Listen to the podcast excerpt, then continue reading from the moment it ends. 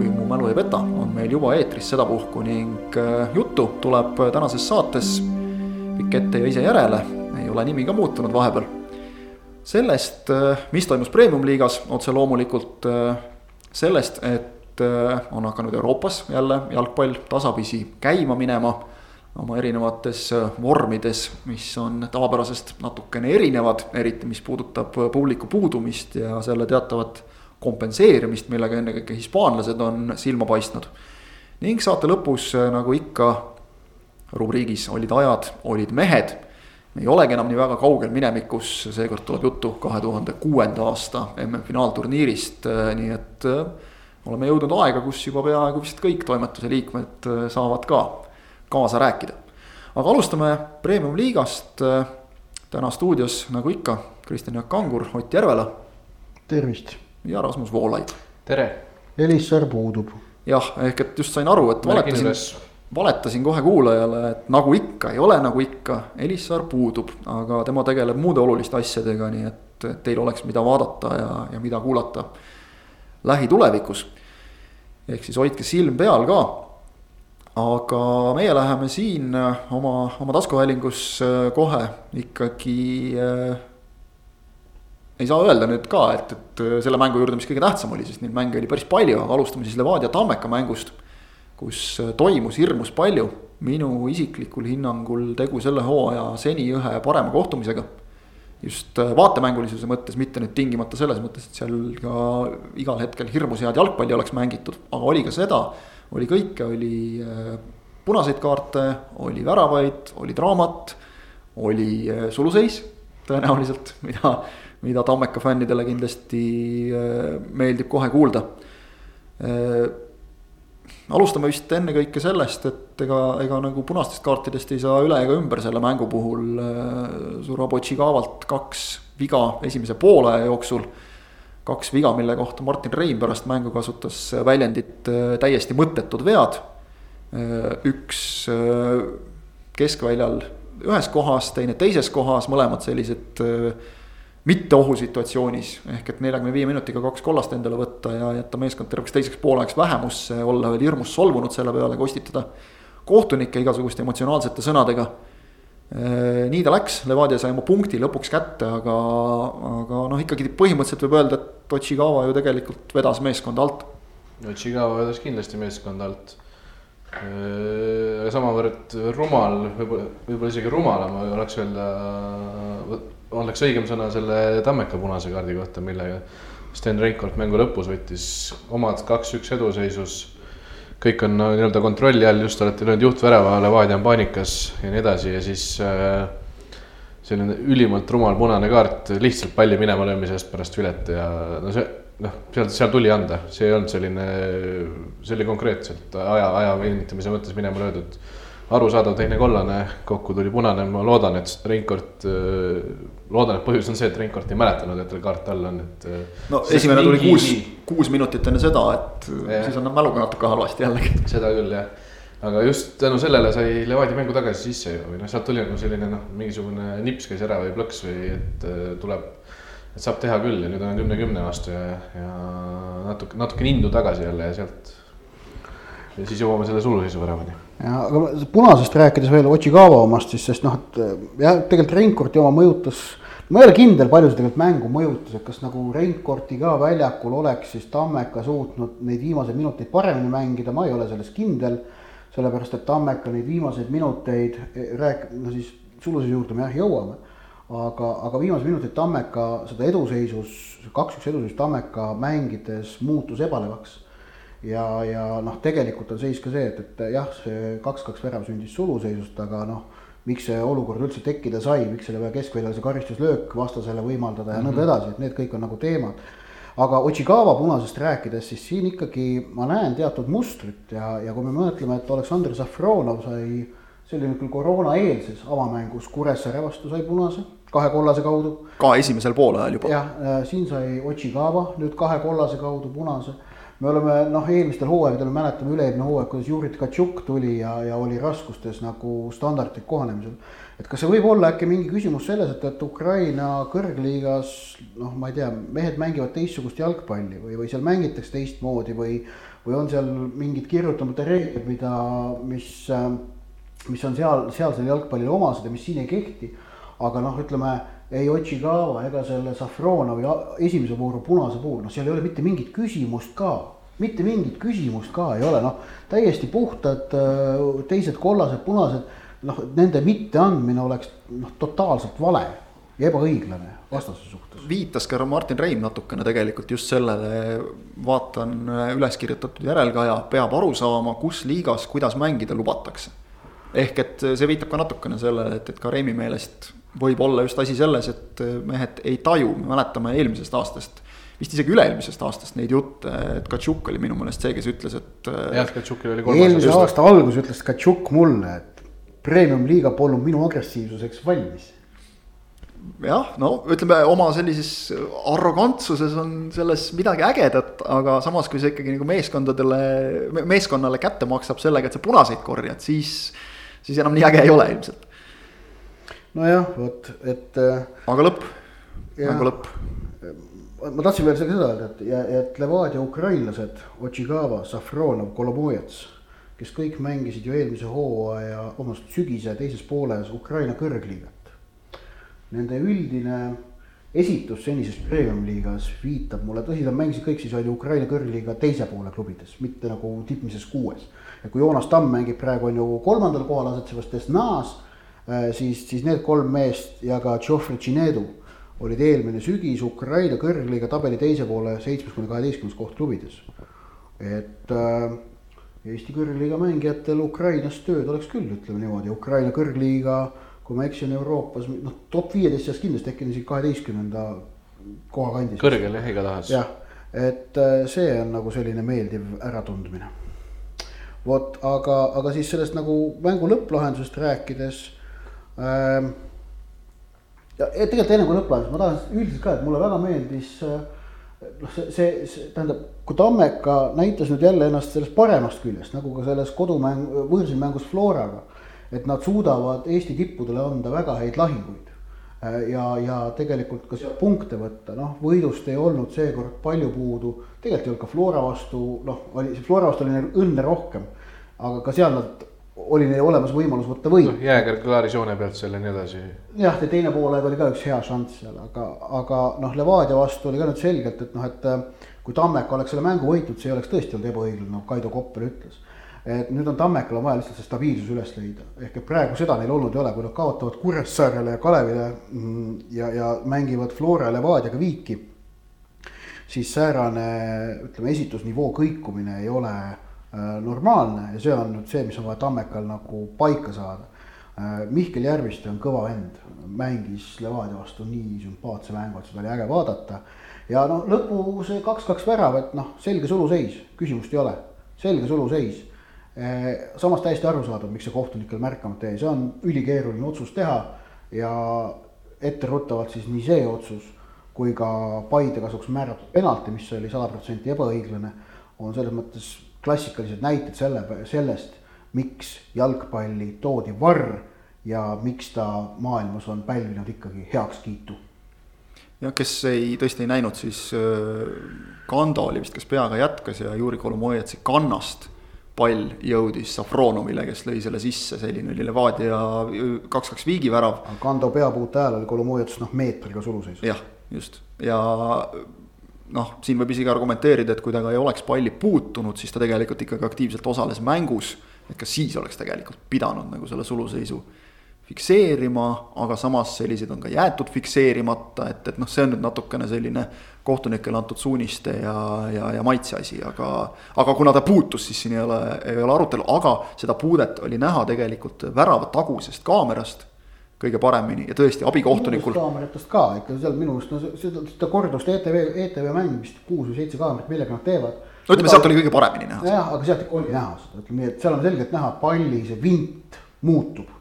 See on kõige lihtsam asi, kuidas vaadata, kas puudu on või mitte, on ju see, kas see, kuidas pall keerleb, palli muster keerleb, kas seal tekib muudatus või mitte seal tekib see muudatus ja see on selge. sellest kaamerast oli ka näha, üks kaamera oli väga hästi umbes selle suluses joone peale pandud, selle kaamera pealt ikkagi oli ka aru saada yeah.. et, et ikka oli kindlalt. aga selle loogika järgi on see ikkagi rohkem abikohtuniku asi näha, et. asi. peakohtunik Kristo Tohver küll pidas nõu abikohtunikuga, me ei tea, mida nad arutasid, aga värav loeti ära, nii et läks seekord sedapidi ja Tammeka jäi, nagu ütles, sõnastas ülimalt elegantselt Kaido Koppel. ei oleks olnud kriminaalne, kui me oleksime selle mängu võitnud. absoluutselt. ja see, ja see nii ka oli tõesti. nii see oli ja, Tammeka, no vot, et, et kui selline Tammeka oleks iga nädalavahetus väljakul, siis nad konkureeriksid esineliku kohale. aga nad on juba praeguseks andnud ju punkte ära väga palju. ja see on Tammeka jaoks selge probleem. aga, aga nüüd jah, et, et noh, Levadia sai tohutu kingituse ja siis sel nädalavahetusel ka Paide sai tohutu kingituse, mul on, mul on tunne, et nende tohutute kingitustega on sel hooajal nelja tippklubi vahel seis viigis. et Levadia ja Paide said nüüd sel nädalavahetusel enda oma kätte. Flora sai tohutuse kingituse, tohutu kingituse võõrsil Paide vastu mängides, kui jääkiri kätt ära ei võetud ja ei antud Paidele penaltit. see oli vist null-null seisul, kui ma õigesti mäletan. jah, oli jah. ja Nõmme Kalju sai oma tohutu kingituse juba esimeses voorus kätte kui võõrsil Narva Transi vastu Transi värav, pall oli üle joone, selle kohta me oleme fotot ka hiljem näinud, et seda väravat Transil lihtsalt ei loetud ja Kalju sai sealt võidu kätte nii et äh, kõikide kasuks on eksitud rämedalt vähemalt üks kord sel aastal. mis tõestab et taas. vana, vana hea see jalgpallitõde, et it evens out throughout the season nagu, nagu inglased armastavad öelda. Et noh, praeguse seisuga tundub nagu pädev, aga muidugi noh, me võime minna seal hakata veel nüanssi, ütleme nüansi rohkematesse otsustesse laskuma ja leidma sealt nagu siia-sinna minekuid. aga noh, selge on see jah, et me tõime siin praegu mingid näited välja nagu suurtest asjadest, mis on läinud nagu nihu eelmine nädal podcast'is ma rääkisin seda, et, et minu meelest äh, kohtunike nagu ütleme, see noh, esitus tegelikult on olnud normaalne. ja et ei ole midagi nagu sellist noh, üle, ülearu palju valesid otsuseid olnud, siis noh, nüüd nädal aega hiljem tuleb tõdeda, et kahjuks sel korral oli tõesti nii, et noh, kahes mängus see väga, väga see, see vale otsus nagu noh, oli üks kandev teema. noh, Levadia Tammeka ja samamoodi see, see Paide penalti mängus Narvaga, et noh, et see, see möödunud nädalavahetus oli kohtunikele ebaõnnestunud. enne kui me selle Paide transmängu juurde läheme, siis Levadial okei okay,, vahe jäi nüüd kolm punkti, mitte neli aga Floraga, aga ikkagi nädala sees omavaheline mäng on natukene juba sellist kuue punkti mängu maiku, et, et kui, kui kaotada on vahe kuus, okei okay,, hooaeg alles algas, siin on. me teame küll igasuguseid vahesid taga, tagasi tehtud, aga, aga Flora minek tundub praegu olevat Äh, ilmselt konkurentide jaoks nagu häirivalt kindel no. viigi jah. peaks, viigi võiks Levadia sealt kätte saada. no Leva-, ma arvan, et kui Levadia saab viigi, on nad rahul äh,. ausalt öelda, et aga, sest just nimelt selle Flora hea hoo pärast. aga noh, Levadial siis üks oluline asi, mis nagu neid nüüd mõjutab, on see, et äh, Ochigava mängukeelu all, mis tähendab, et keskkaitse on kindlasti Safronov, Podholjuzin, Lipp. seal ei ole vangerdamisruumi. jah ja me nägime Lipp Tammeka vastu oli ebakindel. no üks-null värav, Tamme, üks-null värav tuli tegelikult ikkagi tema jämedast praagist. okei okay,, seal oli noh, selline mitme mehe eksitus ka Lepist ei tulnud söödule vastu, aga muidugi tegelikult jah, kui sa keskkaitsjana, sa näed väljakut, sa annad sellise sa, söödu keskele, siis. see vastutus peab olema keskkaitsjal sellises olukorras. sööt ja süü nagu alati me teame. et, et noh, Lipp nüüd saab Flora vastu mängida, et selles mõttes, aga sellised noh, väljakutsed ongi need, kus noored jalgpallurid äh, peavad end tõestama. et ühtepidi võib vaadata seda olukorda nii, et, et Levadial on vesi ahjus, sest lipp peab mängima. Aga teistpidi võib vaadata seda asja niimoodi, et lipul on nüüd võimalik mängida ennast Levadia põhikoosseisu. teeb Flora vastu korraliku mängu ja Reimil on väga keeruline teda sel juhul pingile jätta, on ju. et see on lihtsalt nagu sport ongi see, et, et noh äh, tugevad on need, kes pärast halba päeva suudavad äh, sellest pettumusest ja pingest üle olla ja teha sinna hea päeva järele. et see, see ping, noh muidugi pinged on peal, nii Levadial pinged, noh, neid, seda oli näha ka tegelikult tervest Levadia esitusest. sest noh, päev varem oli, oli Facebooki postitatud äh, terve meeskonna tervitus Viktor Levadale sünnipäeva puhul.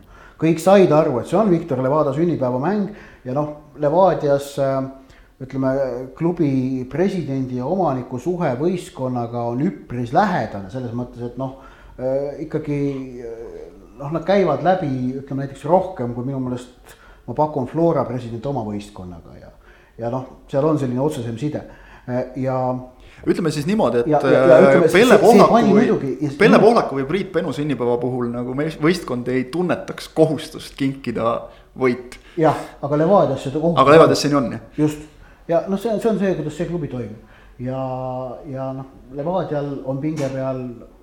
nii et, et selles mõttes tuleb see kolmapäevane mäng tuleb maasikas kahtlemata igast otsast. Nüüd Ja- lipp, lipp on selles suhtes huvitavas seisus, et nüüd ta teab juba kolm-neli päeva varem, et ta mängib. tal ei ole seda, et ta ootab, ootab mängu, vaatab mängu ajal trenni põhjal, et huvitav, kas ma homme saan või ei saa, et ta nüüd, on- nüüd kolm-neli päeva järjest saab ennast nii-öelda valmis panna, mis tähendab, et väga lihtne on üle praadida. aga võib, võib, vast- võib ka, võib ka jällegi tulla suurepärane esitus. ma ütlen seal teoorias, teoorias on olemas ka võimalus, et äärekaitsjad on Elhi ja Kruglov ning Jürjenson tuuakse kolmandaks keskkaitsjaks. Aga noh, ütleme, see oleks selline no totaalne umbusaldushääletus. see Jah. oleks totaalne ja, umbusaldushääletus. ja ta oleks ka selles plaanis väike ilmselt avantüür, et No äh, ole mängupraktikat. sain Reimist nii aru, et Kruglovil ei ole mängupraktikat seetõttu, et tal on mingi väike asi, mis teda vaevab mm -hmm.. noh, kuna Elhi ja Jürgenson on olemas ja on mänginud korralikult, siis ei ole olnud põhjust Krugloviga riskida. jah, ja, ja seal on üks, Kruglovi puhul on ju üks tähtis asi, mida Rein hindas juba siis, kui Kruglov oli koondises ja Rein oli peatreener. on ju Kruglovi standardolukorrad. Aga Levadial praegu standardite toimetamisega probleemi pole, sellepärast et Trevor Elhi annab kvaliteetseid nurgalööke. ja, ja tegelikult noh, kui vaja, siis Vassiuk on, on ju olemas. Lepistu ka. Lepistu ka, et ühesõnaga mehed, kes toimetavad standardeid, on, on, neid on rohkesti olemas. et see muidu võiks olla üks argument on ju, miks, miks nagu Krug- Kruglovi tagasi kiirustada või tema ümber seda mängu sättida. aga seda noh, muret standardite kvaliteediga hetkel Levadial ei ole. Nii, me oleme nüüd praadinud äh, kuulajaid juba küll ja veel selle Paide Transi mänguga, läheme siis sinna ka, ega siin nagu üle ega ümber ei saa esialgu sellest, mida, mida ütles äh, pärast mängu ETV otse-eetris Cengiz Khan, kelle monoloog oli kirglik, pikk. see oli hea vaatemäng ka, et kui mitte, mitte ainult kuulamise mõttes, vaid ka see, kuidas äh, mõlemad osapooled käitusid. Jah, kolleeg ERR-ist äh, Ragnar Kaasik sai ka kindlasti hea kooli. ta vist umbes kaks korda üritas hästi viisakalt äh, Transi peatreenerile mõista anda, et suur tänu. näeme jälle, aga kui mehel on midagi öelda, siis mees peab saama seda öelda ja, ja seda juttu jätkus kauemaks, aga. jah, pärast esi-, pärast esimest oli veel hea see ka, et äh, esimene kord proovis ära lõpetada, siis seda intervjuud nii-öelda aitäh ja väga kahju, et praegu nii, aga pea püsti. Ja siis äh, Özkan pärast kaheminutilist monoloogi alustas järgmist mõtet, first of all no eks ta, emotsioonist tuleb aru saada, kui su võistkonnale on antud äh, nüüd juba läheb endal sassi, üheksa kollast kaarti vist oli Transile. millest siis kaheksa vist oli, aga jah. äh, üheksa, üheksa vist oli nii, et koos äh, Oli Iiri teise- teise kollasega, mis oli siis kokku punane, ühesõnaga noh, kui kõik mehed põhimõtteliselt sul, kes sul platsil on, saavad kollase ära. no ei, ilmselge vale otsus Paidele anda penalti, see oli. see on, see on kogu, see oli kogu selle, mitte kogu, aga ma pakun, see võis olla päris olulise osa Transi närvilisuse sütik. et see ebaõiglus, mida nad tundsid ja nägid ja seal ei olnud vaata seda kahtlust. see oli taiv E- jah, sest et seal oli see, et, et kaks Transi meest, Ivan Jušin, Irvi olid ise juures ja nemad nägid, et see oli taiv ja teadsid. Ja seal ei olnud midagi sellist, et noh, nad said öelda tervele võistkonnale, et see oli, see oli väga-väga tohutu ebaõiglus, mis neil osaks sai. ja see, paneme sinna juurde tabeliseisu, paneme sinna juurde ikkagi selle, et äh, Burdakovid on pingi peal tagasi, mis lisab pingeid. no see on, no ma ütlen ausalt, et nädala eest, kui oli mäng Leegioniga siis oli minu meelest oli Transi esitus oli oluliselt pingevabam, nad mängisid teatud vabadusega, jah, oli üleüritamist. Mis oleks võinud päädida juba avapoolel, avapoolel pu- otse punaste kaartidega Plotnikovile ja, ja Tunkarale.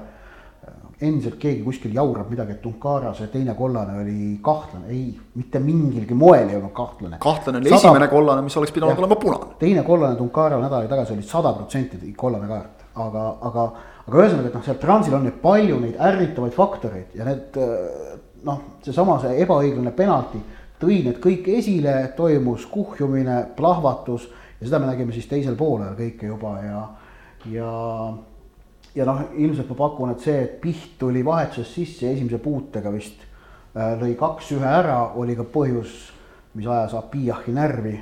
et mingi uus noor kutt tuli ja pani ära ja siis Abiyah tegi seda, mis ta Pihtile tegi. see oli otse punase kaardi koht. selles värava olukorras veel Abiyahit võis närvi ajada ka see, et tegelikult jäi ta üksinda kahe mehe vastu selja tagant tuli Piht, kes ulatus pallini, Abiyah üritas kuidagimoodi katta ka tema ees olnud Martin Kaset, ehk seal olid kuidagi transil, kus olid teised kaitsjad, Ivanjušin oli kuskil selja taga kaugel. ja teisi mehi polnud nagu üldse seal värava all, ehk et noh, kõik täpselt need erinevad väiksed asjad kokku, kümme protsenti siit, kümme sealt kokku annabki sada ja öö, olen sinuga nõus täiesti, et öö, ma vaataksin isegi selles mõttes, me oleme neid kohtunikke kirunud ka küllalt palju ja, ja noh, põhjusega kohati ma isegi selles Paidele antud penalti olukorras tegelikult Siim Rinkenile selles mõttes tunnen natuke kaasa.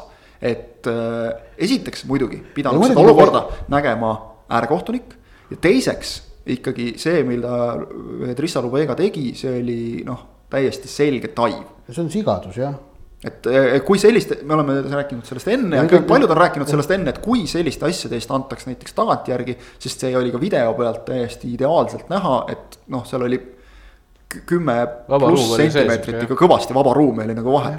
et äh, selle eest ühemänguline keeld, siuksed asjad lõpeksid, ma arvan, väga kiiresti. kahemänguline. Või kahemänguline, vahet ei ole, kui pikk, aga karistada selle eest, et mängijad teaksid, kui sa teed sellise asja, siis on karistus ma arvan, et Lubega saab sellest karistuse kätte seeläbi, et äh, tema kasuks jäetakse nüüd järgneval hooajal äh, noh, üks-kaks penaltit, mida ta peaks saama vilistamata. ja siuke. sest et ta sai selle, selle taiviga saab ta sellise maine praegu külge, et tema hukkumisi kohtunikud enam ei usu üldse niivõrd lihtsalt.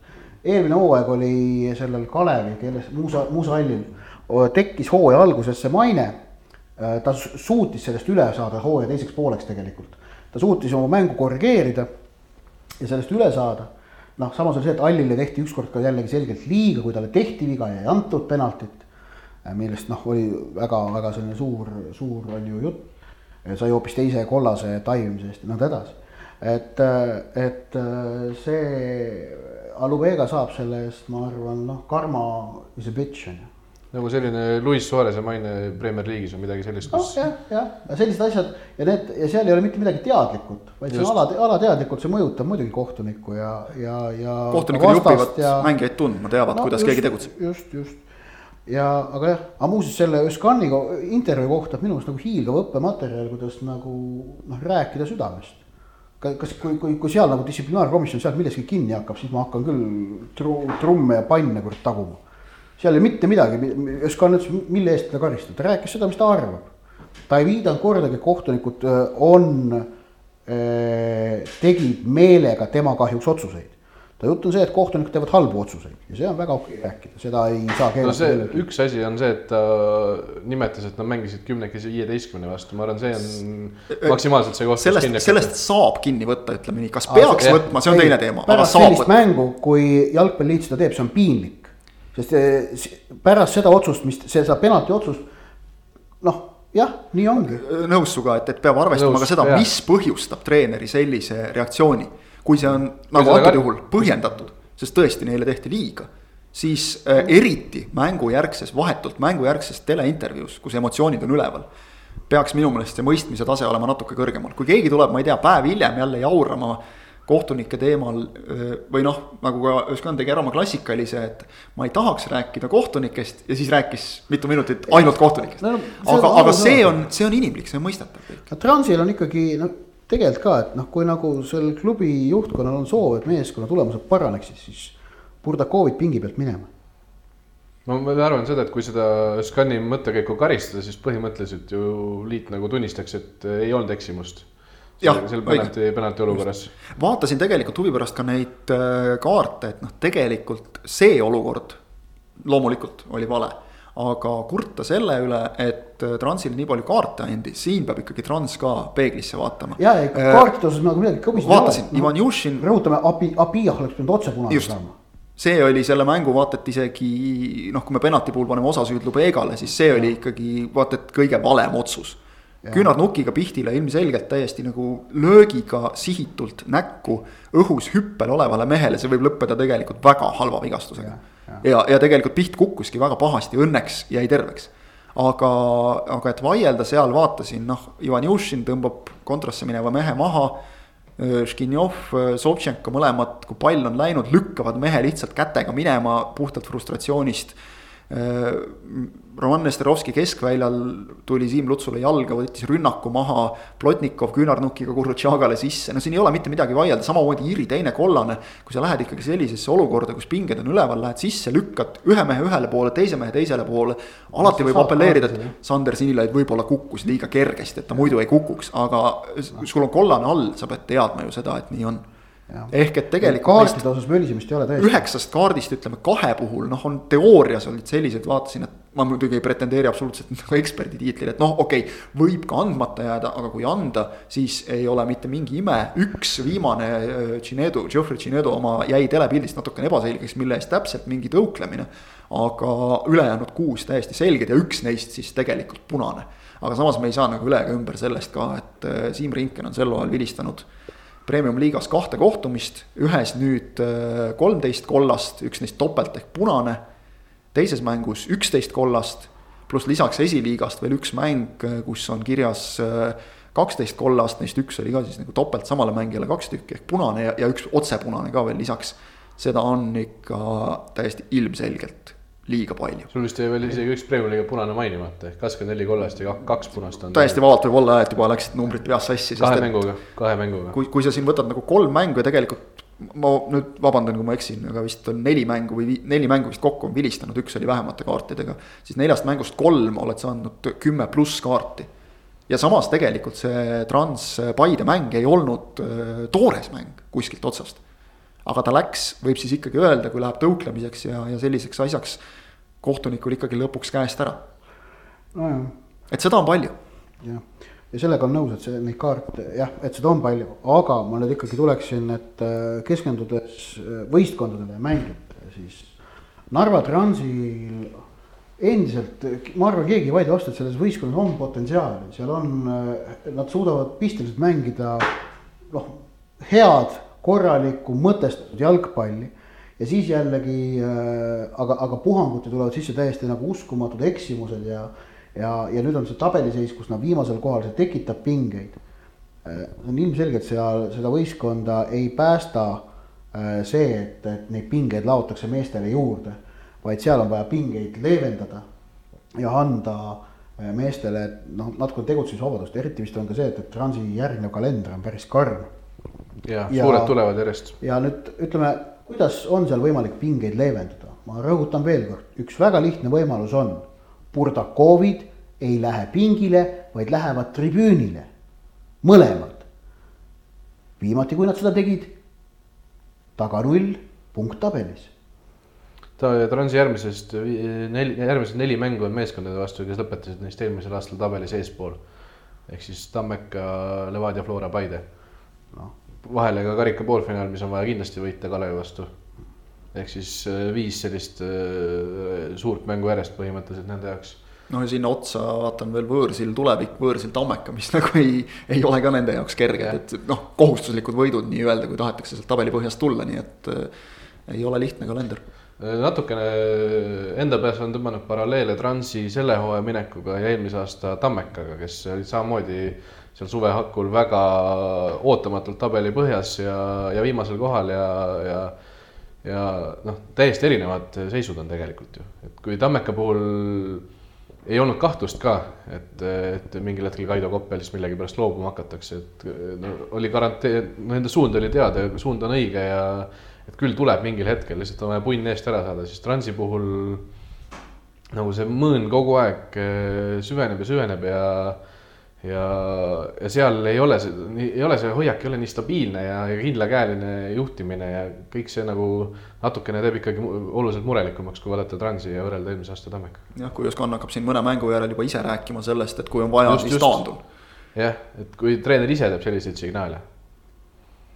nii, aga kaks meeskonda, kes on ka muidu neid kollaseid kaarte hirmus palju korranud, Kuressaare ja Leegion mängisid omavahel äh, saare peal null-null. Äh, no räägime kõigepealt mängust natukene. tegelikult oli selline null-null, kui vahel on igavad null-nullid, siis see oli täitsa nagu sihuke põnev null-null, et seal käisid. pallid käisid latis ja postis ja, ja kõike, penalti jäeti löömata ja, ja kõike juhtus. ja et kui see Translegion null null nädal aega varem oli selline noh, antijalgpall, siis seekord oli see null null, kus nagu müdinat ja madinat ja, ja sellist nagu kirja oli, oli kõvasti ja eks ta ilmselt suht õiglane tulemus oli. lõpuks ei olnud kummalgi ees seda kvaliteeti, et, et need väravad ära lüüa ja see, et, et Leegionil seda kvaliteeti ei ole oleme me nüüd juba aru saanud, see, et Marek Šatov tegi Nõmme Kalju vastu seal kolmandas voorus vist ühe selle väga õnnestunud mängu. see oli noh fakt, aga seejärel pole ta enam suutnud premium-liigas end maksma panna ja see on Leegioni jaoks probleem. ja mitte ainult Šatov, vaid äh, jah, Leegion võib nagu ühelt poolt vaadata, et nad on nelja viimase mänguga lasknud endale lüüa ainult kaks tükki. ühe Tammekal, ühe Kalevil, aga need kõik need neli mängu on ise kuival oldud. see aga, on ikka tõsine no, probleem no., võib-olla natuke leevendab see, et, et nüüd Kuressaare vastu tuli tagasi vahetusest Kirill Nesterov, kes noh, on mängija, kes on võimeline nagu looma ja, ja ka ise tegema midagi. aga kas sellest piisab? meil on üks mees värava eest puudu ikkagi.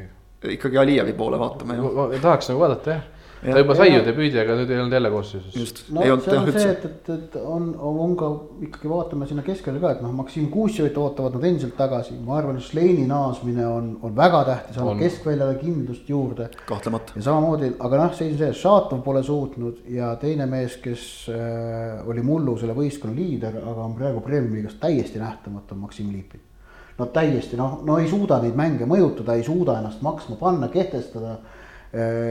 Noh, suu-, kõik, kõik noh, premium-liigas ei ole äärekaitsjat, kes kardaks Maksim Liipinit. mees on kuidagi nagu kipsis, kipsis, nii palju kui ma olen vaadanud, et ta nagu tohutult tahab. tohutult tahab, aga välja ei tule mitte midagi. nojah, just, et ja see on, see on nagu probleem ja noh, Kuressaarel noh, mure on nüüd siis ikkagi see, et pärast Otto Robert Lipu vigastust. Ja siia võib ka ära öelda, et ikkagi äh, uudised ei ole head, et Otto Robert Lipu hooaeg suure tõenäosusega on läbi. ehk et see mees rohkem ei mängi, nii et, et see on, see on väga suur löök ja väga suur probleem kahtlemata Kuressaarele, kes oli eelmisel aastal hädas väravate löömisega. Sander Laht noh, ütleme ikkagi isegi mingil määral ületas ennast tegelikult. ja, ja nüüd tuleb siis jälle tema otsa vaadata või, või kust, kust keda tuua, ei kujuta ette. no jah, suvel tuleb üleminekuaken, eks siis proovitakse äkki mingidagi, midagi leida, aga eks. Äh, Kožuhovski näol on muidugi üleminekuaknas äh, väike trump Kuressaarel olemas, et ta tundub olevat treener, kelle käe all nii mõnigi mees võiks tahta mängida. jah, aga noh, eks noh, praegu oleme näinud ka, et noh, proovitakse ära kasutada nüüd Joonas Soomre kiirust ja Soomre oli seal ääre peal super, kui ta sinna tagasi liigutati või kui lipp algkoosseisus lükati. jah, noh jah, aga et noh, lipurelv number üks on kiirus tema peale hakati, see tema, tema kiiruse peale hakati seda mängu üles ehitama. ja noh, nüüd on vaja lihtsalt eh, leida noh, teised mehed, kelle peale seda kiirust rakendada ja noh, Soomere on praegu olnud see, kelle peale nüüd ka Leevioni vastu panustati. et, eh, et eks näis ja seal noh, jah, seal on, seal on vaja muidugi seda, et Kozuhovski see noh, psühholoogi oskused mängijate motiveerimises, need on tema, tema treeneri pagasi vaieldamatult trump ja eks näis, kas ta suudab sealt, mida suudab sealt äh, nagu välja võluda, aga noh, tuletan meelde, et Soomre ju Transi vastu selles kolm-kaks mängus tema ju selle võiduvärava lõi ja, ja näitas seal nii oma kiirust kui ka osavust külma närvi. et noh, ütleme need alged on olemas küll, et selle peale ehitada, aga muidugi lipu kaotamine on Kuressaare jaoks suur pauk. aga kokkuvõttes on Kuressaare seni mänginud äh, üle ootuste hästi, ütleksin, ma, ma ütlen noh, enda vaatevinklist et ma ei oleks oodanud, et nad nii hästi esinevad ja nende seis on hea. vaatame, noh, oleme sellest rääkinud enne ka juba, et Kožuhovskil see kivist vee välja pigistamine tegelikult tundub õnnestuvat võrdlemisi hästi, nii et äh, näis e,. väljakult, väljaku kõrvale läheme aia taha nii-öelda, ega sellest üle ega ümber ei saa, Kuressaare mängul äh, fännid tegid noh, oma paarikümne pealise pundiga seal, seal möllu kõvasti ja, ja, ja tõmbasid selles mõttes nagu kired käima, et äh, me oleme näinud jah, Hiiul säästutribüünil nii mina kui, kui ka sina, Ott, oma silmaga ja Rasmus ka kindlasti mingitel mängudel Hiiul äh, näiteks no vaat, et mingitel hinnangutel sadakonda inimest. paljudel mängudel neil aia taga vaatajaid ikkagi on, neid ei ole sealt kaika ega, ega politsei ähvardusega laiali aetud aga üks asi, mis nüüd küll eristab üsna selgelt senist sellest äh, kuremängul toimunust, on see, et need on olnud nii-öelda tavavaatajad ja hiiulmändide all on ikkagi ka viisakalt hoitud distantsi.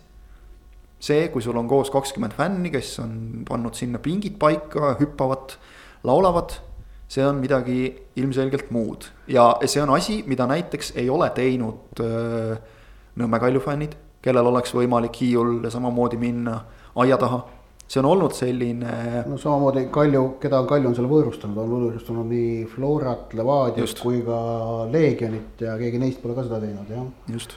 Paide, Paide fännidel on võimalik minna aia taha, ei ole tehtud. minu teada näiteks on isegi saanud Paide kogukonna juht Arto Saar natukene noomida, et ta on trummi löönud tribüünil. samas nüüd, eks ole, noh, olid seal fännid teadaolevalt kogukonna juht käis nendega rääkimas, ehk et tuli ka ikkagi Kuressaarele see. vähemalt osadele Kuressaare inimestest see selge üllatusena. ja noh, antud juhul siis ebameeldiva üllatusena, sest et see on äh, olnud äh, ütleme jah, selle tekstiga memorandumit ei ole kuskil allkirjastatud, aga, aga see on olnud selline vaikiv kokkulepe, et äh, kuni esimese juulini, kuniks publikut jälle staadionile lubatakse, fännid ei käi aia taga. et mitte keerata tuksi äh, seda, et esimesel juulil saab, esimesest juulist saab vaadata mänge publikuga. keegi tõi siin huvitava võrdluse ka Sokkerneti foorumis, mis teatavasti on absoluutse tõe allikas, nagu, nagu mulle meeldib öelda, siis äh, tõi seal sellise võrdluse, et, et noh, reegel on loll ja mõttetu, et niikuinii kõik on juba toidupoes külg külje kõrval koos ja, ja noh, nagu meil siin on ka igasuguseid avalikke pidusid ja asju juba üritatud korraldada ja, ja rahvas, rahvas käib ja suhtleb, et, et mis vahet seal on. et nagu oleks teetööde järel oleks äh, maanteele nädalavahetuseks unustatud viiekümne kilomeetri kiirusepiirangu märk. millest siis keegi välja ei tee ja kõik sõidavad sada kilomeetrit tunnis, sest et noh, pole ju vaja mina isiklikult äh, ütleks nagu pigem seda, et siin praegu pandi sada kilomeetrit tunnis äh, teadmisega või siis eirates teadmist, et tegelikult võivad järgmise kurvi taga olla teel töölised inimesed. aga mind ei huvita, mina tahan kiiremini sõita. võib-olla on see natuke ülekohtune, ma igaks juhuks rõhutan siinkohal, et, et üldises plaanis see, mida Kuressaare fännid tegid eelmisel aastal. ülivinge, müts maha, mehed aga ei ole ju enam tegelikult kaua oodata. et natukene ma võrdleks sellega, kui siin oli mingisugune kas ööklubi või keegi, kes ka teatas, et nemad on nüüd, nad ei ole klubi. Nad on, nad on äh, platvorm. ja äh, selle tõttu nemad avavad uksed, inimesed tulevad, ei, ei, aga seal keegi ei tantsi, keegi ei lõbutse. et loomulikult sa võid alati reeglitest nagu sellise jutuga mööda minna ja, ja öelda, et, et noh, umbes, me olime ka platvorm, et me ei olnud nagu fännipunt ja, ja me lihtsalt sattusime kõik sinna kokku, aga küsimus on nüüd nagu just täpselt sellistes kirjutamata kokkulepetes ja, ja nende austamises. ja siin läks, ma ütleksin, muidu nagu tublil Kuressaare pundil läks vähe viltu. vastuväiteid? ei, ei, vastuväiteid ei ole, aga nüüd see nüüd mingi selline väga suur draama ka ei ole, see on üks väikene juhtum ja selline ülearu suur afišeerimine pole põhjendatud minu arust ei ole küsimus üldse selles, et kas reeglid on praegu õiged või mitte, sest äh, selle, selle, selle üle ei peaks olema arutelu, praegu arutelu peaks olema selle üle, kas Kuressaare käitus õigesti või mitte. sülitati teistele fänni, fännipuntidele küll, aga, aga jah. Äh, keda siin üldse karistama peaks? ja kes peaks karistama, et, et kas see, see on distsiplinaarkomisjoni rida, eks ole, ja kas, kas peaks karistama? politseid, politsei asi on ju ära ajada nad kui politseid ei kutsuta. siis nagu justkui klubi, eks ole, kes ei kutsunud politseid. aga. no äh, tegelikult ka, et jah, ebameeldiv ja ma saan aru isegi seda, et, äh, et äh, siin Kalju ja Flora fännid või mingid on nagu pahased. aga noh, nende veritasu nõudmisest ma jällegi ei saa aru ei sest, näe põhjust, et nad peaksid seda veritasu saama. sest siin tekib nagu praegu natukene see olukord, et ühed fännid nõuavad teiste fännide karistamist selle eest, et need fännid fännasid. mis on natukene selline ei no omapärane ütleme. on ju aru saada ka nende nagu põhjus on täiesti loogiline, et kui meie käitume normaalselt, meie, meie käitume vastavalt reeglitele, mis noh. isegi kui see ei ole kuskil allkirjastatud, siis need on ikkagi kirjalikult välja öeldud liidu poolt ja teiste poolt ju, kuidas tuleb käituda. siis äh, võiks kõik niimoodi käituda. Ei no muidugi võiks ja peaks, aga noh, see ei ole mingi noh, see ei ole midagi väga tähtsat. okei okay. Lähme edasi, meil on kaks mängu veel äh, küll nagu üle käimata, aga, aga noh, nende kahe mäng, need kaks mängu kipuvad natukene Flora tulevik ja Kalev Kalju minema jälle sellesse rubriiki, et äh, toimusid ka need kohtumised. ehk äh, Flora, Flora tulevik oli selline, kus tulevik tegelikult ei mänginud halvasti. Ehk et Flora ei sõitnud neist üle aga samas nagu oli, oli, ikkagi sõitis ka. oli, oli ülikindlalt üle jällegi. aga oli üle just nimelt ja, ja, ja kusjuures samas jäi ka mulje, et, et Flora eriti pärast äh, kaks-null väravat, mis tuli teise poole alguses. no ikka, ikka selgelt kergitas jalga natukene pedaalilt no,, mis on mõistetav. kaheksa minutit pärast seda tehti Vassiljev väljavahetus, mis oli no ilmselge signaal, et meil see mäng on nüüd kotis ja me võtame natukene rahulikumalt mõeldes äh, kolmapäevasele mängule Levadiaga Sappineni võit isegi üllatavalt Kauga väljakul, äh, seitsmekümne kaheksandani, enne kui Lepik toodi, kes lõpuks kolm-nulli lõi, aga. aga ei, Flora oli, oli väga kindel. klassivahe äh, oli see ikkagi. jah, oli küll jah, seal ei olnud nagu midagi noh, ei olnud tulevikul midagi kobiseda ja ja Flora ei mänginud mingit hiilgavat mängu kaugel sellest, nad tegid lihtsalt oma tavalise esituse, sellest piisas seekord et, äh, et seekord oli, oli, oli nii jah, ja ma saan aru, et Kalju, Kalev Kaljut ma ise ei vaadanud, aga seal vist oli samamoodi. seal oli täpselt samamoodi jah, kaks-null, esimene värav juba kolmandal minutil tehtud. väravavahi, väravavahi eksimusest ka veel, mis on alati nagu selline eriti valus, et, et noh, see tõmbab nagu topeltmasti maha. Kalevi esimene ja vist ka ainus pealelöök toimus seitsmekümne viiendal minutil kui seis oli juba kolm-null pikalt olnud ja, ja Kalju tegi ka poole ajal kaks vahetust juba ilmselgelt Kristel nii-öelda jagas, jagas minuteid, Subbotin tuli poole sisse. no Premiumi liiga debüüdi jalgkoosluses tegi Demidov. Raudsepp välja poole ajal, et noh. aga Demidovi see põhikoosseisu lüke, see on muidugi huvitav käik. ja, ja, mängis asjalikult. ja, ja jällegi näha, kuidas Marko Kristal tahab laiendada oma KTM baasi ehk et see, et ta pidi hooaja esimesed kuus vooru mängis sisuliselt sellega, et ta KTM-id olid koroonapausi järgselt viis voorut ja KTM-id olid Usta ja Paur. et see ei rahuldanud teda. ta tõi nüüd jah, Demidovi sisse, et, et seda noh, valikut laiendada, selge on see, et, et mida, kui see, kui see Demidovile antud need nelikümmend viis minutit, need on selles mõttes väga hea investeering, et kui nüüd mõnikord on vaja Demidov sisse tuua mõnes muus mängus, on ta selleks palju rohkem valmis. ja, ja Peeter Klein tegi siis nädalavahetusel duubli eest kuuskümmend minutit. Kalju duubel küll kaotas Velkole jah. Velkole jah, üks-kolm. noh, selle tõttu ka, et äh, Henri Berk sai seal üsna varakult punase, kümnekesi mängisid jah. aga, aga noh, et Peeter Klein mängis tunni esiliiga B-d, eks näis äh, noh, ma pakun, et ta nüüd kolmapäeval Paide vastu. koosseisus ikka on, sest et. No eks näis, aga ta äh, võib seal olla kindlasti. võib seal olla, arvestades, et äh, Odilaaviat ilmselt ootab mingi vähe pikem mängupaus jälle ees, ehk et. tõmbas jälle midagi ära? vist küll, jah. okei okay., et, et ühesõnaga, et noh, et see KTM valik on nüüd äh, Kristalil laiem ja see on kahtlemata Kalju jaoks äh, noh, hea ja tähtis areng ja, ja noh, seda, see, see annab Kalju juurde, noh nagu ma eelmine nädal kirjutasin ka, et, et äh, Kleini vajab Kalju endale rünnakule küll, kui ma meenutan ikkagi seda mängu Floraga, siis noh, Klein oli täpselt see tüüp, kes neil rünnakul puudu oli. paned sellise noh, võimsa jõulise venna sinna ette, pall püsib seal ees siis natukene rohkem ja jõuab kaasa tuua teise poolkaitse, jõuab ka rünnakule, enne kui pall on ära kaotatud.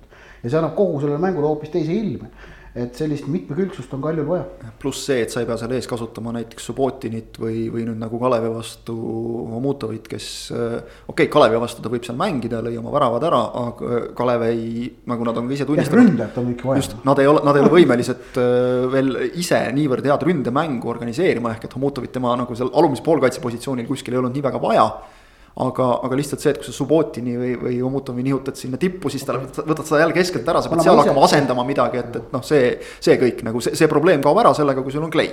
kuna ma ise Kalev Kaljut ei vaadanud, siis ma küsin esiteks, kuidas Demidov hakkama sai selle esimese poole? mängis äh, nagu, nagu võrdne võrdsega ikka Kalju meeste vahel.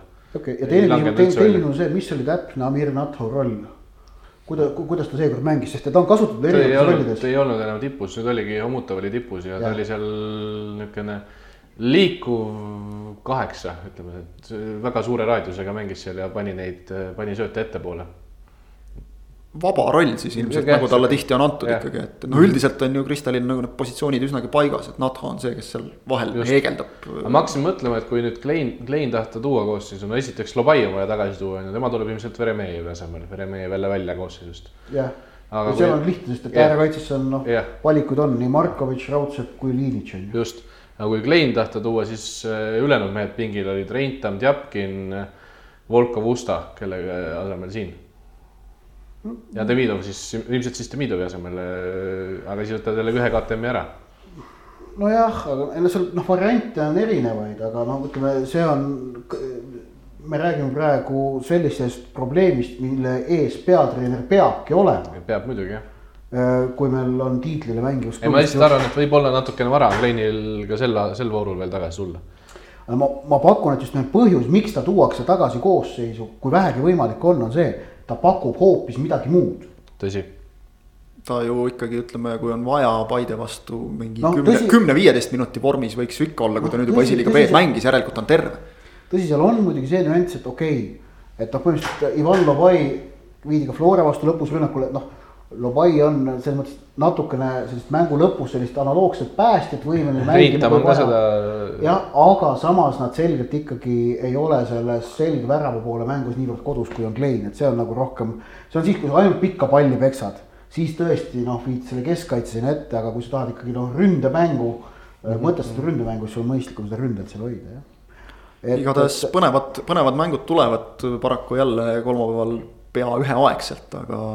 Aga mis teha veel, saab häid- vaadata kahelt ekraanilt küll. ja seal on vist veel ju häid mänge lisaks Kalju Paidele on ja Flora Levadiale, mis seal on, Kure ütle, mängib. ütle mulle praegu. Kalev Kure on- mis vastasseis mis vastasseisud meil on nagu nii väga sellised mõttetud, kui sa vaatad Trans ette. Tammeka jah, Kalev Kalju.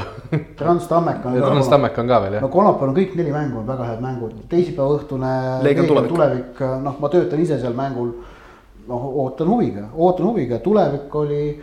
Ütlen Sander Postile reedel pärast intervjuud ütlesin ka, et, et noh, reedel näeme siis uuesti, siis ta läk-, nägu läks kohe naerule selle peale, kui tal, kui, kui ma ütlesin, et teisipäeval, noh, tuletasin meelde, et teisipäeval on ka mäng, on ju ja noh, ta, eks ta tegelikult ju Flora vastu vaatas ka natukene teisipäeval otsa, no Kaimar Saag ei pandud põhisse.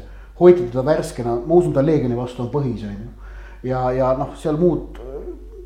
aga see on, see on arusaadav, et äh, kui sa vaatad niimoodi kalendrisse, et sa mängid väga heas vormis Floraga ja neli päeva hiljem Leegioniga, kes äh, ei suuda väravat lüüa noh, mitte mingi hinna eest, neli mängu järjest siis noh, loogiline see, et sa teed panuse pigem sellele Leegioni mängu, et seda tehakse igal pool maailma jalgpallis. see on selles voorus oli üldse päris palju seda hoidmist, no samamoodi Sander Puri ju tunnistas, et mängu lõpus tegelikult juba, juba hoidsin. aga muidugi, muidugi see on täiesti, see on tark, ongi tark. ongi, ma arvan, et Kalev, Kalev vaatas samamoodi, vaatas juba eh, Kuressaare mängule otsa, eks ju mm. -hmm. siis neil on sama asi, mis oli tulevikul Floraga, oli Kalevil Kaljuga põhimõtteliselt. ja, ja neid hoidjaid oli, oli, oli veel kindlasti. aga jah, et siis noh, et. ja Flora ka ise. me oleme kuulnud Eesti jalgpallis siin eelmistel aastatel ka, et see on nagu, et see nagu ei ole aus või, või nii ei tohi. siis äh, kulla inimesed, igal pool maailma jalgpallis äh, meistrivõistlustel tehakse niimoodi tulemus loeb. jah, tulemus loeb ehk et kui, kui sa, kui, nagu treener leiab, et järgmise mängu tulemuse öö, tõenäosuse nimel on mul mõistlik selles mängus teha teatud ohverdused, siis öö, mitte tal ei ole õigus seda teha, vaid tal on kohustus seda teha, sellepärast et selle eest talle palka makstaksegi. kui me juba muu maailma poole siin vaatame natukene, siis, siis läheme ka sinna, Hispaanias pandi jälle ka pall mängu ja, ja hispaanlased oma äh, suures usinuses igasuguste teleuuendustega pakuvad meile siis hoopis erinevat äh, teleelamust võrreldes näiteks Bundesligaga, kus on äh, kus on kõik äh, ikkagi nii nagu ühel klassikalisel ilma publikuta mängul, et vaikus ja kuuled mängijate juttu ja kuuled kõiki asju, hispaanlased lasevad äh, televaatajale publiku heli, kusjuures äh, nii palju, kui äh, ühte mängu natuke vaatasin, tunnistan ausalt äh, pikalt äh, mitte ühtegi, sest Eesti liiga hõivas suurema osa tähelepanust nädalavahetusel, aga nii palju kui natuke vaatasin, tundus küll, et äh, puldi taga istus äh, väga kiirete näppudega ja, ja väga hea mängu lugemisega mees või ka naine, mine tea. igatahes ta äh, reageeris väga kiirelt sellele, mis väljakul toimus, ehk et kui oli ikkagi mingisugune kukkumine kastis, siis käis ohe ja nii edasi. mis oli oluliselt koomilisem muidugi oli see on kusjuures, ma vaatasin ka mingeid fragmente, ma ei vaadanud ühtegi mängu al- algusest lõpuni, mingil õhtul natukene vaatasin, siis tuli mingi muu tegevus peale. noh, ükski mäng ei olnud nii köitev ausalt öelda, et ma oleks tahtnud, ma oleks tahtnud vaadata vist äh, Bilbao Atleticot, aga seda ei, sel ajal ma olin midagi muud tegemas. et, et see helide osa, see oli täitsa okei okay,. see oli äge, mulle, mulle meeldis ma ei ütle, et mind häirib see, kui, kui, kui noh, nagu Bundesliga variant, kus midagi ei ole taga äh,. Aga see Hispaania mind ka ei häirinud. et noh, las ta olla. ta ei mõjunud võltsilt, ütleme. selle tõttu ta võis seal olla. aga ideaalis ma tahaks, et mul oleks võimalus see ise sisse-välja lülitada, ma ei tea, kas mul telekapuldil on see võimalus, ma ei hakanud uurima ausalt kahtlen, see tuleb ilmselt koos signaaliga sealt. aga teine asi oli see jah, et, et siis tribüünidele oli pandud see nõnda öelda võltspublik, noh, sellise on selline graafiliselt. graafilise efektiga on võimalik seda teha, on ju. See mind, see, see oli, see tundus totter ausalt öelda, et noh, miks sa paned selle sigri-migri sinna, me kõik teame, et see on tühjade tribüünide ees. seda ei ole vaja varjata ega niimoodi maha salata. Kusjuures ta ei häirinud isegi siis. Pane reklaamid sinna. jah, näiteks, mida ka näidati muide seal mingites Jaa, olukordades mis, mis tegi selle asja veel totramaks. Mingil hetkel oli- kaob nagu see võltspublik ära ja siis tuleb sinna reklaam, aga las olla kogu aeg see reklaam. just vahepeal, vahepeal olid tühjad tribüünid veel. just ja kõige totram on see, ma ei kui mõtle reklaami mitte graafikaga, vaid tõmba suur riie sinna noh, riidest reklaam nagu Eestis. Eestis me oleme ka näinud ja tehtud samamoodi, et see on nagu väga okei lahendus. ja, ja noh, jaburus äh, oli see, et, et kui ei olnud see üldplaan, vaid äh, mingi nurga alt, siis järsku on tühjad tribüünid, et et see Just. tekitas mingi suhteliselt häiriva sellise dissonantsi. see on isegi see, siis tekib see küsimus, et kas ma nägin valesti midagi. ma ju tean, et siin on tühjad tribüünid, aga justkui nagu äsja ju ei olnud tühjad tribüünid ja siis nagu enda, enda sees tekib mingi selline kerge error vahepeal ja see, see nagu segab palju rohkem. mänguliselt nagu Ott ilmselt sõnastas õigesti, ei ole veel palju rääkida, paus on pikk, nii nagu Bundesliga esimesed mängud olid sellised kohmakad. tiitlieheitus Kõige käib edasi ja ja kõige rohkem, kes siin kaotas, oli Atletico, kes andis jälle punkte ära ja, ja kelle jaoks läheb isegi see meistrite liiga koha pärast võitlemine juba vaata et päris keeruliseks. Neil. ei no praegu on samadel punktidel Sociedadiga. seal on kolm meeskonda, neljas kuni kuues on kõik neljakümne kuue peal jah. See on põnev. kuulasin ühte, ühte podcast'i, nüüd ei mäleta, millist inglisekeelset jalka podcast'i, mul päris mitu, ma ei mäleta, kus seda räägiti ühesõnaga, aga et. Atletico jaoks finantsiliselt on järgmisel hooajal meistrite liigas osalemine üliülitähtis. sest kogu nende eelarvestamine on tehtud eeldusel, et nad mängivad meistrite liigas ja saavad sealt seda meistrite liiga nagu raha ja nüüd arvestame, et koroona ajal on ju teatud muud tulud on niikuinii kadunud, siis see on Atletico jaoks veelgi tähtsamaks muutunud. noh, Joa Felix osteti nagu selle arvestusega, et nad on kogu aeg meistrite liigas. aga, aga mis nagu Hispaania liiga puhul noh, siis see võtmekoht kindlasti peab olema see, et noh, et Bundesliga-l läks selles mõttes halvasti, et poolteist nädalat pärast taaskäivitamist ja Bayern Borussia üks-null röövis kogu võistlust igasuguse pinge ehk et noh, La Ligal on vaja seda, et, et Real ja Barca püsiksid võimalikult kaua teineteise nagu noh, võimalikult lähedal. see hoiab ka huvi üleval, see tekitab võistkondades endas suuremaid pingeid, mis omakorda noh, pakub paremat jalgpalli, et huvitavamat vaatamist. et neil on vaja seda, et kumbki, et, et, et suured liiguksid samas rütmis, et emb-kumb eest ära ei pääseks. vääratada võivad nad küll, aga siis vääratagu korraga ma parandan enda, enda vea ära, ma vaatasin tabelit pärast Atletico ja Bilbao mängu, et Sociedad sai ka viigipunkt juurde, ehk Sociedad on ühe punktiga ees siis, nad on neljandad ja siis Getafe ja Atletico on kohe punkti kaugusel viies-kuues. igatahes pinget on ja, ja see on põnev, Saksamaal ei ole põnev, nagu me Ei arutasime, aga Saksamaal oli põnev. oli põnev aastal kaks tuhat kuus, olid ajad, olid mehed, rubriik on nüüd jõudnud siis kahe tuhande kuuenda aasta Saksamaa MM-ini ja enne kui me hakkame siin peaga rindu löömisest rääkima, siis mis, mis veel sellest turniirist meeles on peale Zidane Materazzi lõppakordi Rasmus, sa sain ka tundud sõna nüüd, jah. väga intensiivselt äh, meenutavat praegu peas. jaa. Mida sa mäletad? meenub, mulle meenub see Brasiilia koondis, kus oli Ronaldinho, kes äh, seksis end tühjaks. oli, tuli maailma parima jalgpallurina turniirile, see pidi olema tema turniir ja siis hiljem saime teada, et, et ei olnud. ei olnud see tema turniir, Ronaldo oli veel olemas. Aga see ei olnud ka, ei olnud enam seesama Ronaldo, kes oli neli aastat varem hoopis uus Ronaldo oli olemas, oli uus Ronaldo olemas jah kes oli päris hea. ma mäletan jah, et ma, kui ma jalgpalli usku pöörasin noore poisina, siis ma olin suur, suur Brasiilia fanatt tänu sellele kahe tuhande kahekümne teise aasta turniirile ja lootsin, et äkki uuesti. alagrupis oligi Brasiilia korralik, aga siis, siis äh, varsti enam ei olnud. Aga tõesti, uus Ronaldo oli peale tulnud ja see oli väike lohutus Ott, mis see, mis see fakt oligi, mis kaks aastat tagasi? kaks, tänase seisuga kaks aastat tagasi lõi Ronaldo siis Cabo triki Hispaaniale MM-il, Venemaa MM-il. ja sellega sai ta esimeseks mängijaks jalgpalli ajaloos, kes on löönud värava kaheksal järjestikusel suurturniiril. Kas sa ütled ka mängija nime, kes seda ei ole teinud? no seda ei ole teinud mitmed, mitmed mängijad, näiteks äh, ei ole seda suutnud üllataval kombel Fabian Barthez samuti, samuti, samuti mitte äh, George Best ega isegi mitte Pele. ma arvan, et rohkem mängijaid hetkel ei pea nimetama.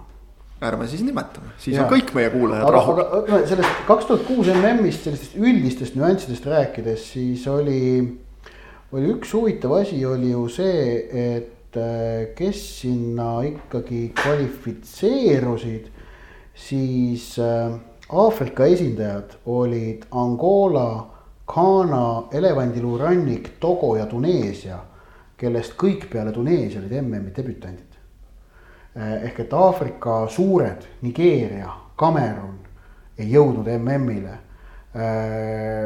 Noh, võime seal noh, okei okay,, Senegal ei, ei saa veel nimetada selleks nagu suureks Aafrikas, aga jah, noh, Kamerun ja Nigeeria on vaieldamatult suured neist kumbki ei jõudnud, okei okay,, Põhja-Aafrikast noh, Egiptusel oligi pikalt on ju paus juba sees olnud, see nüüd ei saanud, noh mm -hmm. ei olnud nii üllatus. aga jah, et Nigeeria ja Cameronita mm oli. no Senegal võib-olla oli ka üllatus kahe tuhande teise aasta kontrastil, kui nad olid päris. nojah, aga noh, see ebastabiilsus noh, jah, okei okay,, ikka tuleb ette, on ju.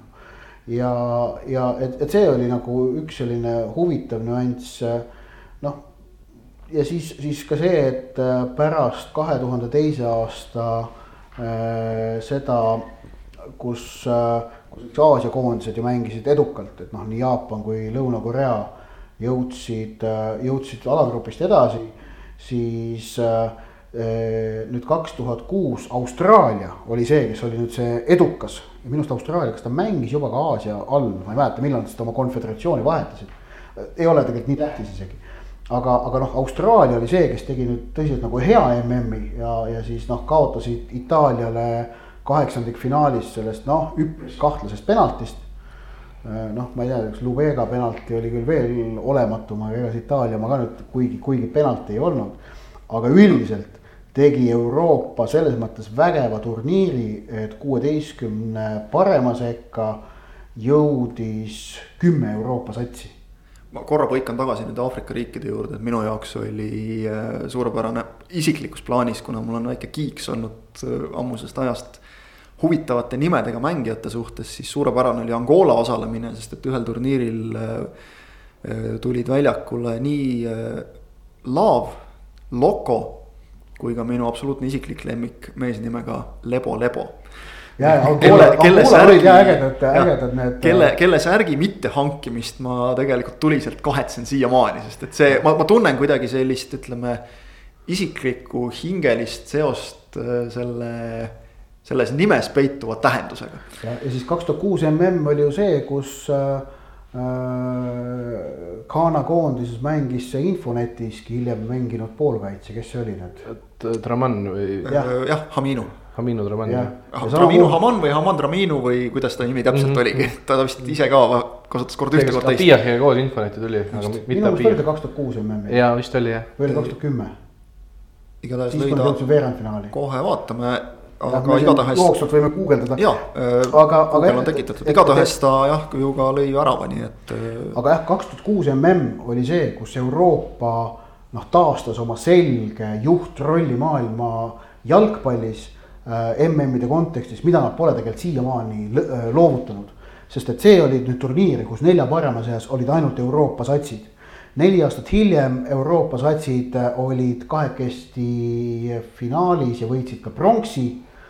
Kaks tuhat neliteist olid Euroopa satsid esimene ja kolmas ja nüüd kaks tuhat kaheksateist Euroopa satsid neljakesti poolfinaalides jälle ajaloolise tõe huvides Haminu Draman kahe tuhande kuuenda aasta mm alagrupi mäng USA vastu, üks-null värav ja Ghana võitis selle mängu kaks-üks lõpuks, nii et okei okay,, no vot. kas ta siis oli ka sel hetkel äh, tingimata kahekümne aastane, selles enam nii kindel ei saa olla, meenutades tema tegemisi Eestis, aga, aga see selleks. Aga, aga noh, kui sa oled ikkagi sellises pundis, kui vaatad Ghana koondist, koondise nimekirja. Samuel Kufuur, Michael Essien, Salli Montari. ei, ei siis... olnud paha punt, kus olla, ütleme ja sinna ennast sisse mängida, Asamoah Xian, kõik sellised tegijad, sinna ennast sisse mängida, see ikkagi näitab klassi. ja siis, aga üldistest märksõnadest veel rääkides kahe tuhande kuuendast MM-i kohta oli siis see, et üllatusi tegelikult ei olnud. alagrupi turniiril mind ükski suur ei vääratanud. Eh, A-alagrupist langesid välja Poola, Costa Rica, B-s Paraguay ja Trinidad Tobago, C-s elevandiluu rannik ning Serbia, Montenegro. Ei ole üllatus, sest edasi said Argentiina ja Holland. keegi pidi seal kukkuma. Angola, Iraan, E-grupis, noh, see, et Ghana edestas Tšehhe ja USA-d, noh, väike üllatus, aga ei midagi, ei midagi meeletut, tegelikult noh, Tšehhe hinnati. Tšehhi hinnati, seda oli kaks aastat äh, varem EM-il yeah. olid nad ju olnud head, aga, aga okei okay.. F-grupis langesid välja Horvaatia, Jaapan.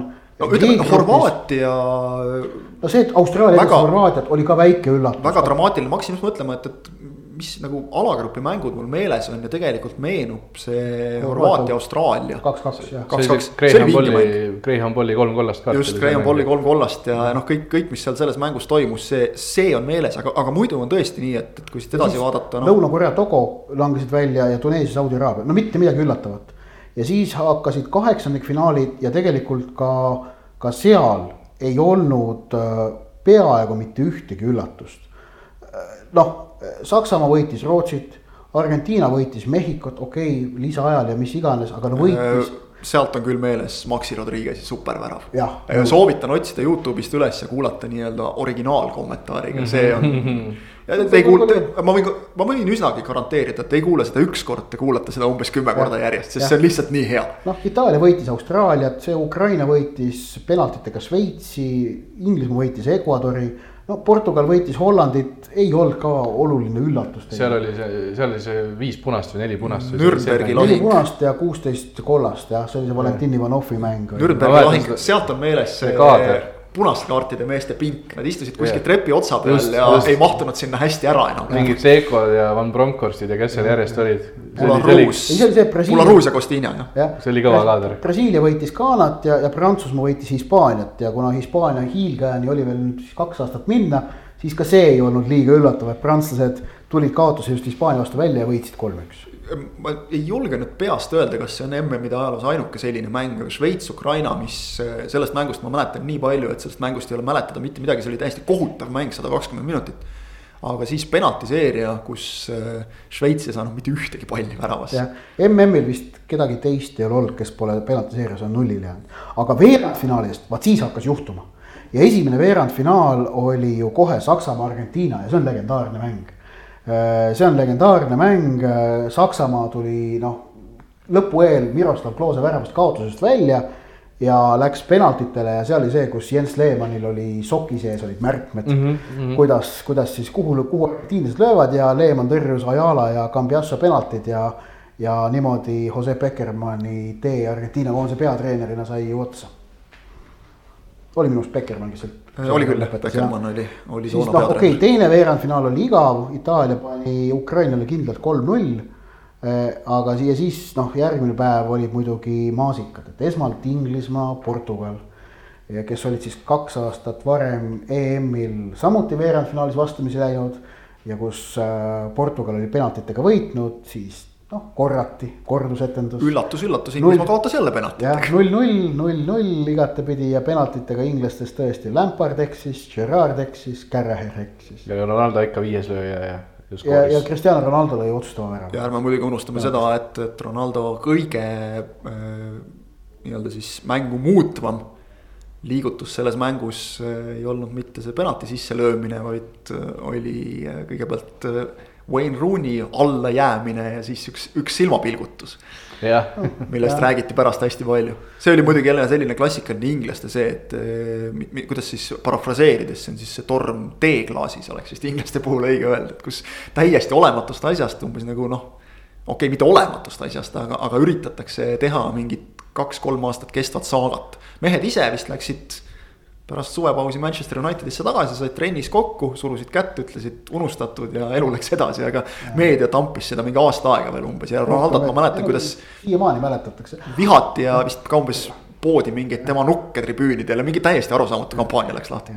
siis oli viimane veerandfinaal, kus siis tiitlikaitse Brasiilia kohtus Prantsusmaaga ja see oli väga oodatud mäng, et see oli, see oli väga oodatud mäng ja Prantsusmaa võitis selle mängu Thierry väravast üks-null ja Zidane andis resultatiivse söödu. kas see oli see värav, mille puhul äh, Roberto Carlos tegi endast ise meemi jäädes putsapaelu siduma, kui ma õigesti mäletan?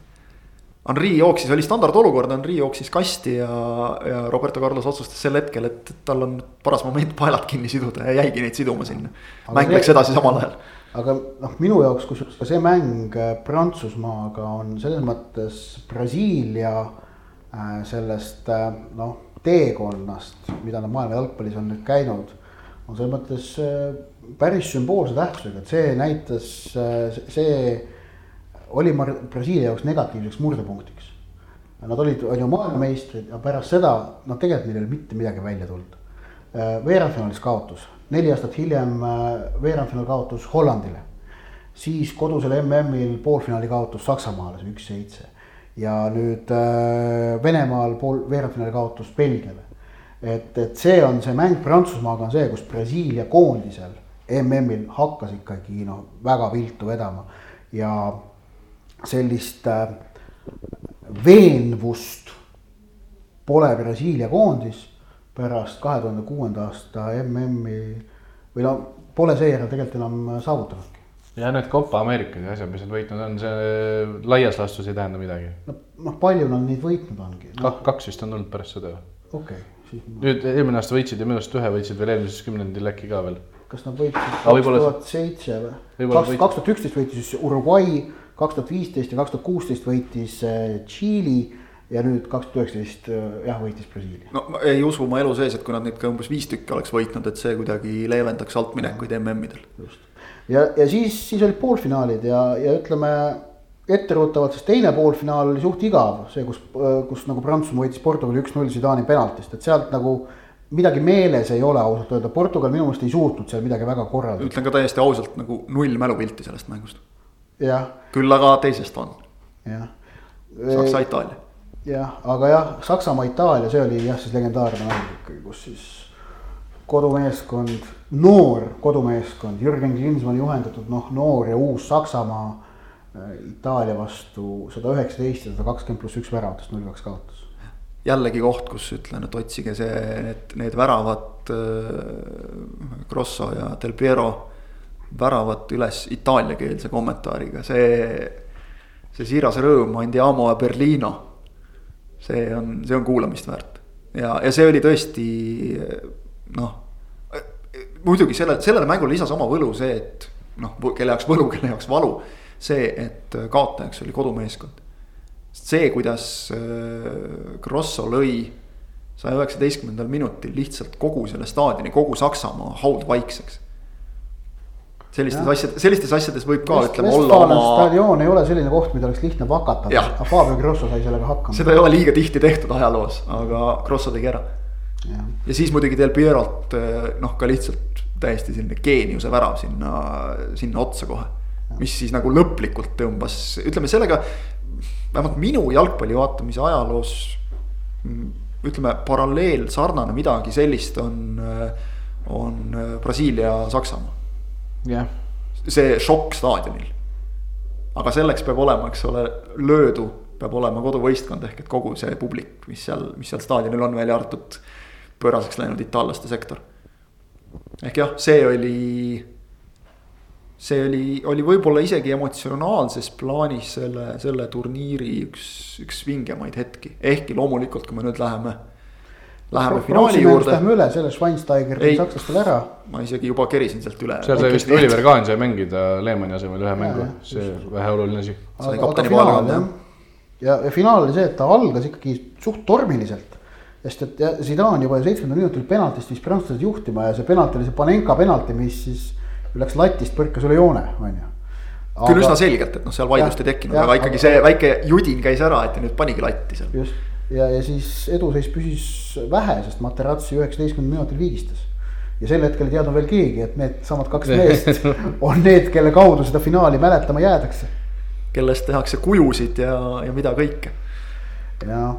ehk siis jah, saja kümnes minut ja Zidane, see on vist siiamaani nagu, et kes ütleb, et Zidane'i hulluse hetk, kes ütleb, et ütleme, et jalgpallurina vedas meeskonda alt, aga inimesena mõistan tahaks selles teises paadis olla, kangesti tahaks.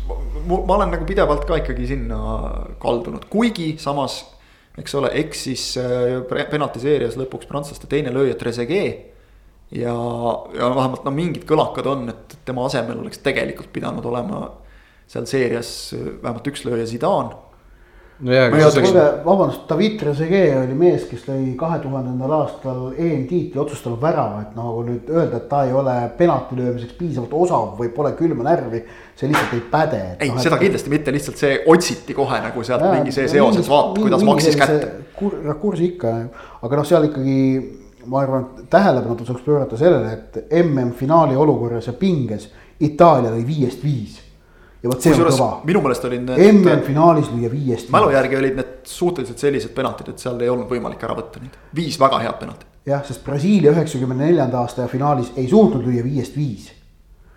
ja oota, meil rohkem, oota, mis meil penaltiseeriaga on otsustatud. kaks tuhat kümme ei olnud, kaks tuhat neliteist ei olnud, kaks tuhat kaheksateist ka ei olnud, jah, kaks penaltiseerijat on MM-finaalis olnud yeah.. üheksakümmend neli ja, ja kaks tuhat kuus ja noh, et see oli, oli kõva Fabio Grosso viimased kaks mängu polnud ka väga, väga halvad. sa üheksateistkümnes minut ja võidupenalti. saaks halvemini, ütleme. aga, aga huvitav on see, et, et tegelikult äh, Zidane, vähemalt minu meelest, pigem ta, temast oleks võinud saada selle liigutusega täielik antikangelane, minu meelest ta pigem nagu kinnistas, kinnistas sellega oma legendi staatust. ja ta on selline ikkagi noh äh,, ta on legend tänu oma sellele vastuolulisusele ja seda vastuolulisust ta sellega noh, ja ütleme, geeniused sageli ongi vastuolulised, jalgpalli geeniuseks Zinedine Zidani, kes on teda nagu mängimas näinud, kahtlemata võib pidada. noh, võtame kasvõi selle, selle legendaarse meistrite liiga finaalis Leverkuseni Bayerile löödud värava ja noh, selliseid, selliseid momente tema karjäärist leiab nagu tohutult palju. noh, üheksakümmend kaheksa MM-finaali kaks väravat, kus tõi, viis Prantsusmaa maailmameistriks ja siis jah, kaks tuhat kuus kui, kui ta nagu noh, jättis Prantsusmaa MM-tiitlist ilma, olles selle Prantsusmaa enne finaali tassinud. et noh, kõik need asjad nagu niimoodi, niimoodi kokku panna, jah, nii, nii see, selline ta karjäär on. ja ikkagi, kui nüüd Materatsit vaatame, siis äh, tema oma meeskonna seisukohast tegi töö ära. absoluutselt, jah kuigi ta on, ta on ka ise tunnistanud, see võttis aega, aga ta lõpuks tunnistas, et see, mida ta, me ei hakka seda siin saates kordama, sest see ei olnud ilus lause. ja see oli väga isiklikul tasandil, noh, arvestades ka ütleme Zidani kultuurilist tausta, kus ütleme, võib-olla sellisel, sellisel solvangul, seda tüüpi solvangul on veel suurem kaal. Äh, kui sa ikkagi ütleme, solvad pere naisliiget, siis mm -hmm. see me, meie siin noh, võib-olla vihastame ja, ja solvume, aga, aga me ei võta seda kui, kui näkku sülitamist, ütleme niimoodi, võib-olla tema kindlasti võttis ja, ja selle pealt ka oli tema reaktsioon igati mõistetav ja, ja Materazzi on ikkagi noh, takkajärgi nagu ütleme, vaata et uhke selle üle, et. ta on maailmameister äh,. Fabio Cannavaro on maailmameister, Alessandro Del Piero on maailmameister, Daniele De Rossi on maailmameister.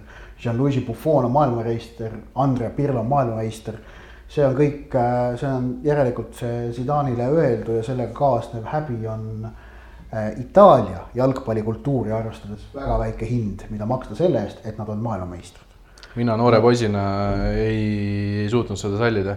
ma mäletan, et ma olin vist, olin, siis ma olin kaheteistaastane, siis tuli Sporditähes tuli see Itaalia poster välja. panin meelega seina peale ja tõmbasin risti peale materatsile, minu jaoks, minu jaoks äh, ei ole, ei ole maailmameister tema, kõik teised on, aga, aga tema ei olnud. jah äh,, mul oli kooli ajal kehalise kasvatuse õpetaja, kes armastas, kui ta tahtis kellelegi väga halvasti öelda, siis ta armastas vaadata niimoodi pikalt otsa ja öelda, et sa oled madal mees. see vist on see, mida paljud mõtlesid mm -hmm. materatsist sel hetkel, et okei okay, sportlikult said oma eesmärgi, aga, aga inimlikult käitusid inetult, aga tänaseks päevaks on see kõik juba folkloor meie jaoks. ja siis, ja siis ka see Itaalia, see võit Prantsusmaa üle tähendab, tähendas ja tähendab siiamaani, et äh, viimased mehed, kes suutsid võita karjääri jooksul äh, mitu MM-tiitlit, on kahe tuhande teise aasta Brasiilia koondise mõned liikmed, kes olid siis ka üheksakümne neljandast aastast. Cafu, Ronaldo. Cafu, Ronaldo, äkki oli keegi veel, ma peast ei ütle, aga nemad kahekesti kindlasti jah. ja pärast seda pole mitte ükski jalgpallur suutnud äh, vähemalt teist korda maailmameistriks tulla. sest noh, prantslastel oleks olnud see variant üheksakümmend kaheksa, kaks tuhat kuus side aga noh, praegu nüüd oli üheksakümmend kaheksa, kaks, kaks, kaks tuhat kaheksateist seal muidugi ükski prantslane polnud säilinud ja noh, et, ähm, et äh, ma tahan, ma toon selle välja rõhutamaks, kuivõrd ikkagi harukordne saavutus on tulla mitmekordseks maailmameistriks jalgpallis. seda pole äh, kuusteist aastat mitte keegi saavutanud kahe tuhande kaheksateistkümnenda aasta seisuga. no vot, olid tõesti ajad ja olid mehed, võib ka öelda veel kahe tuhande kuuenda aasta kohta. just kaks tuhat kakskümmend kaks siis hispaanlased, mõnel ilmselt veel on variant Ramosel või kellelgi seal. ja siis Saksamaa. ja Saksamaa, Prantsusmaa tulevad, Pikee lõpetas koondise karjääri ära. Busquets on ilmselt sees veel yeah.. et seal mõnel võib veel olla jah. Silva vist, Silva lõpetas või ei lõpetanud? sakslastest kaks tuhat neljateistkümnendast. ikka Kro Kroosid ja. see oli ju suhteliselt ja. noor. Hummels veel ja no, no, Neuer muidugi. jah, jah aga. ei, Hummelsi lõpetati ka ära. Hummels lõpetati ära just, aga Neuer võib veel sees olla.